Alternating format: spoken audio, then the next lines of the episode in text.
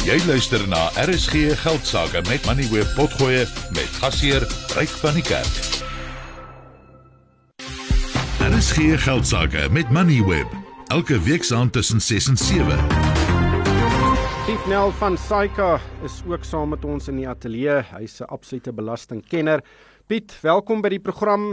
Hele paar belasting aankondigings en ek dink die grootste ene is hierdie vergunning wat mense kan kry en ondernemings kan kry as hulle sonpanele of uh, elektriese stelsels installeer. Kom ons begin by die residensiële een want ek sien hier's 'n hele paar SMS'e wat daaroor deel. Ja. Ja, die huishoudings uh, verduidelik vir ons presies wat is die uh, wat is die uh, die voorstel op die tafel of wat gaan nou gebeur met hierdie tipe van instal installasies? Goed, Ryk, so da dit is in die in die in die begrotingsrede en en in die be, begrotingsdokumente is is daar redelike detail daarin, maar hulle het ook 'n verdere hulle praat van 'n wat 'n klompie vrae beantwoord dokument beskikbaar gemaak waar mense meer inligting kry. Nou wat hulle hier doen en 'n mens moet begin met die doel. Dit is om huis, huishoudings aan huishoudings aan te moedig om in skole skoon elektrisiteit opwekking te belê en die kapasiteit van elektriese elektrisiteitvoorsiening in die land um, te verbeter. So dit praat duidelik met dit wat die munisipaliteite het en nou begin om ook elektrisiteit enige persoon wat ja. deur beerdkrag geraak word en dis almal van ons verstaan presies wat jy sê. Okay, 100%. Dankie. nou wat interessant is is hierdie aansporing sal slegs vir 1 jaar beskikbaar wees. So uh, individue want ons praat nou van by jou private woning moet hierdie hierdie installasie binne die volgende 12 maande doen en in gebruik neem. Dit begin 1 Maart. 1 Maart ja, so van volgende week af van daarna in in gebruik neem. En dan hulle kry 'n korting van R15000 en ek moet miskien dit verduidelik want ek dink ons almal het verwag en dit was almal wat gevra is dat ons 'n aftrekking kan maak om ons belasbare inkomste te verminder. Wat hulle gedoen het is om 'n korting te gee van 25% van die koste van die sonpanele en net die sonpanele, nie die omskakelaars en alles wat daarmee saamgaan en die koppeling aan die stelsel en so nie. So net die koste van die sonpanele self uh van 25% van die van daai korte skakel in 'n korting om met 'n maksimum van R15000. So as 'n mens dit miskien net vinnig eenvoudig kan verduidelik sonder om te veel syfers op die tafel te gooi, as ek uh 100000 belasbare inkomste het, dan kry ek nie aftrekking van die koste van my sonpanele nie. Ek bereken my belasting daar wat net toevallig 18% sou wees en dan sê ek nou het ek 'n korting. En as ek dan nou die totale baie van 60000 spandeer het, dan kan ek 15000 kry en dan verminder ek my belasting aanspreeklikheid met 15000 rand. So as jy nou belasbare inkomste van 100 000 rand het, ja. dan gaan jy 18 000 rand belasting betaal. Ja, ja. Maar as jy nou die 60000 rand spandeer het om die sonpanele ja, ja. op jou dak te sit, mm. dan kan jy 15000 van die 18000 aftrek. So dan betaal jy net 3000 rand ja, kontant oor. Ja. Maar as jy nou in daai posisie is en jy jy's jy's 'n persoon wat 'n primêre korting het onder 65 en het ook bietjie mediese bydraes, dan gaan jy geen korting kry nie, want dan het dit reeds opbindit met die ander korting. So daai 15000 rand gaan nie vir jou verdere verlaging gee nie. Dis die nadeel van nie aftrekking maak nie. Dit dit dit beperk jou totdat jy nul is. Ja, wel dis ja. mense ja. wat 'n uh, hoë belasbare ja. inkomste het gaan daarbey ja. baat en ek ja. dink dit kan men, mense aanmoedig. Dan die sogenaamde artikel 12B skemas uh, het ook 'n paar veranderings gesien en baie aantreklike skemas. Eerstens net watter maatskappye kwalifiseer nou vir hierdie verligting? Ryk soos soos ek die in in, in dit dit lyk of dit ge, ge, uh, gebaseer is op 'n op 'n op 'n klas bindende reëling so wat aan 'n groep beleggers of beleggingsinstansies en en dan beleggers uitgegee is. Wat dit wat dit behels is dat dat dat daar 'n finansierder is wat die besighede eh, finansier om om hierdie in, installasies te doen en dan kry hulle beleggers wat in dit belê in 'n aankommandiet vennootskap. So dit is 'n onbekende vennoot vennootskap wat dan hier 'n uh, waardevermindering die artikel 12B gee vir jou 100% waardevermindering en wat gaan nou na 125 100% verhoog. Het gee vir 100% afskrywing van die koste in hierdie fo uh, uh, foto fotoise ja opwekking goeders insit so dit gee 100% aftrekking en dan word hierdie aftrekking dan nou afgewentel na die na die inkommandiet vennootskap uh, vennote toe ja.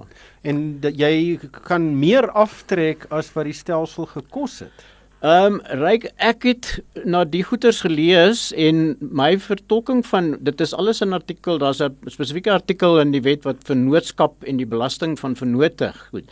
En daar was 'n klomp skemas seker maklik 25 jaar, 30 jaar terug wat sulke drieledige ooreenkomste gehad het en toe het hulle die wet gewysig om jou aftrekkings te beperk tot die inkomste wat in die vennootskap gemaak is en jou jou aanspreeklikheid wat jy het om verliese te ly. So ek da, ek kon nog nie sien hoe hulle dit reg kry en en die en die die bindende reëling werk ook nie daarmee ja, nie hoe hulle dit reg kry. Maar die voorstel is jy kan dan 125% Nou nou sal ons kan. Ja, en en en en ek ek dink hulle sal die wet moet verander om daardie 25% ekstra wat nou nie deel van jou kostes is nie vir die inkomende vennoot te gee. Ja, soos ek dit verstaan, as jy 'n miljoen rand as as die ja. stelsel 'n miljoen rand kos, kan jy 1 1 miljoen 250 000 rand Dis korrek. aftrek. Ja, met baie- die nuwe voorstel, ja. goed, goeie Maar voorstel. maar jy jy trek dit eerstens af teen die inkomste wat in die vennootskap ontvang word en die balans is dan soos ek sê beperk. Ja, dit, ver, ja. dit verlaag jou belasbare inkomste en nie 100%. en nie soos met die met die residensiële stelsel jou werklike belasting nie. korrek, korrek. Inkomstebelasting, Hulle het hulle het ehm um, wat hulle sê inflasie eh, aanpassings gemaak aan die skale van belasting, die blokryping soos wat ons sê, so waar mense verhogings kry wat inflasie gedrewe is dat dat jou belasting omdat die skale nou bietjie op hoër perke inskop. Ehm um, dis 4,9% terwyl ek is nie so seker nie, maar ek vermoed die belas die, die inflasiekoers is hier rondom 6%. So so dis nie heeltemal 'n aanspreek van van van die van van die uh, inflasie uh, op blokryping nie. Wat wel verblydend is, is dat hulle eerste keer sedert 1 Maart 2016 die die bedrag wat on, by onttrekking uit uit 'n uh, pensioenfonds, aftreefondse, die eerste 500 000 was teen 'n 0% uh, belas en dit is nou met 10% verhoog na na 550 000 toe. So daai is 'n verblydende een. Dis bietjie lank agterstallig, maar ja, dit dit is wel ook aangepas. Aksiesbelasting, belasting op alkohol en tabakprodukte, dit is maar net 4,9% ook opgestoot. Minder as inflasie, ja, ja, ja. Ja, en ek onthou nou hoe die uh, David van Rooyen, toe ek nog al by Media 24 gewerk het, Hmm. elke keer as hy so sien hoe die aksiesbelasting styg en sê hy nog altyd, maar dit bly nog steeds 'n baag. Ehm um, was daar groot uh aanpassings aan die kleiner tipe van belastings, hereregte en en dis meer? Die hereregte ja, so hulle het hulle het die hereregte is die bestaande so tot tot nou tot nou volgende tot Dinsdag is is dat die eerste miljoen rand van 'n eiendom word die, die hereregte 0% gehef en dan bo ehm um, is dit 12 miljoen word word die uh ekskuus, laat ek net gou kyk nou daai syfer in my kop nie. Uh is dit is die maksimum skaal van 13%. So hulle het dit ook nou met 10% aangepas. So die miljoen rand skuif na 1.1 miljoen rand en die boonste perk skuif na 12 miljoen 100 000 toe ja. Ja.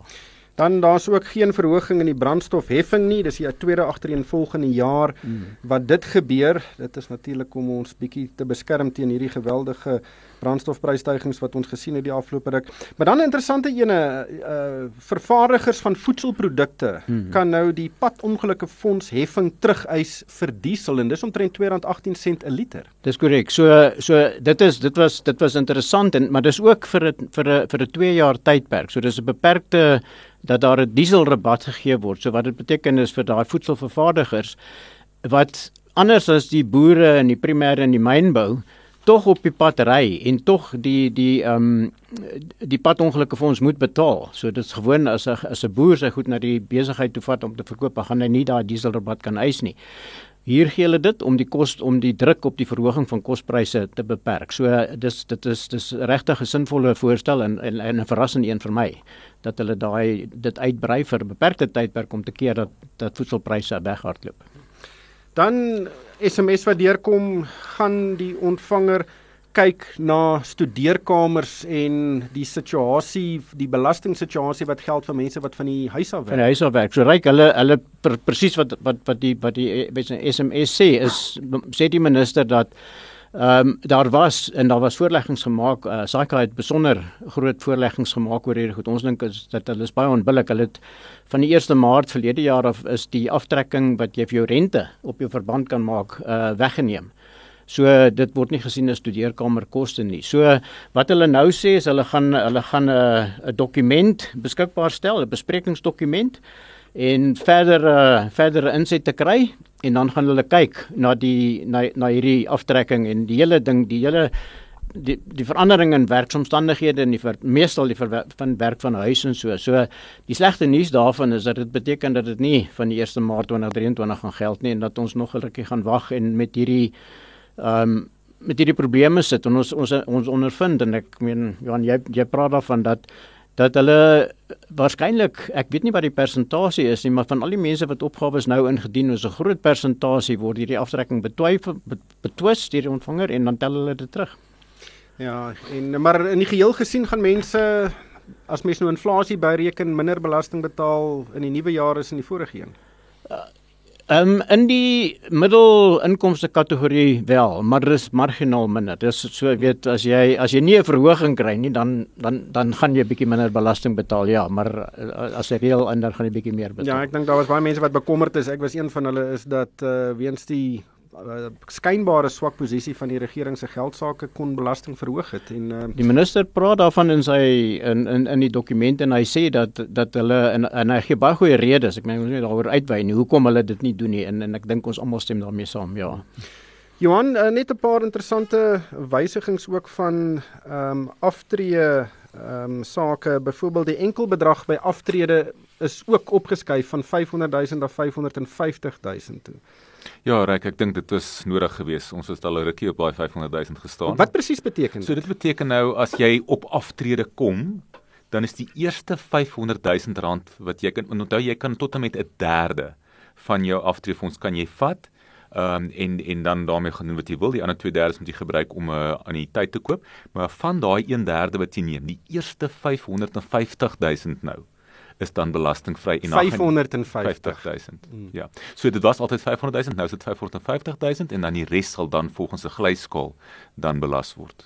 En was daar enige nuus oor die twee pot pensioenstelsel wat nou nou waar ons waaroor ons nou al so lank praat? Ek het nie baie detail oor gesien maar ek weet uh, van wat gesê is, lyk dit of dit definitief nog die plan is om van 1 Maart 2024 in plek te stel. Ek het nog steeds 'n vraagteken rondom of dit werklik prakties moontlik is. Maar net die ander ding reik, ook mense wat uh onttrek, onttrekkings maak van hulle uit hulle aftreefonds voor aftrede.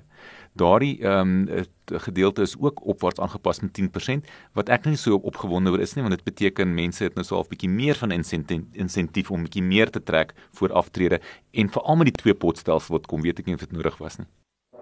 Jy het geluister na RSG Geldsaake met Money where potgoe elke weeksdag om 7 na middag. Vir meer Moneyweb potgoe, besoek moneyweb.co.za of laai die toepassing af en volg Moneyweb News om dagliks op hoogte te bly.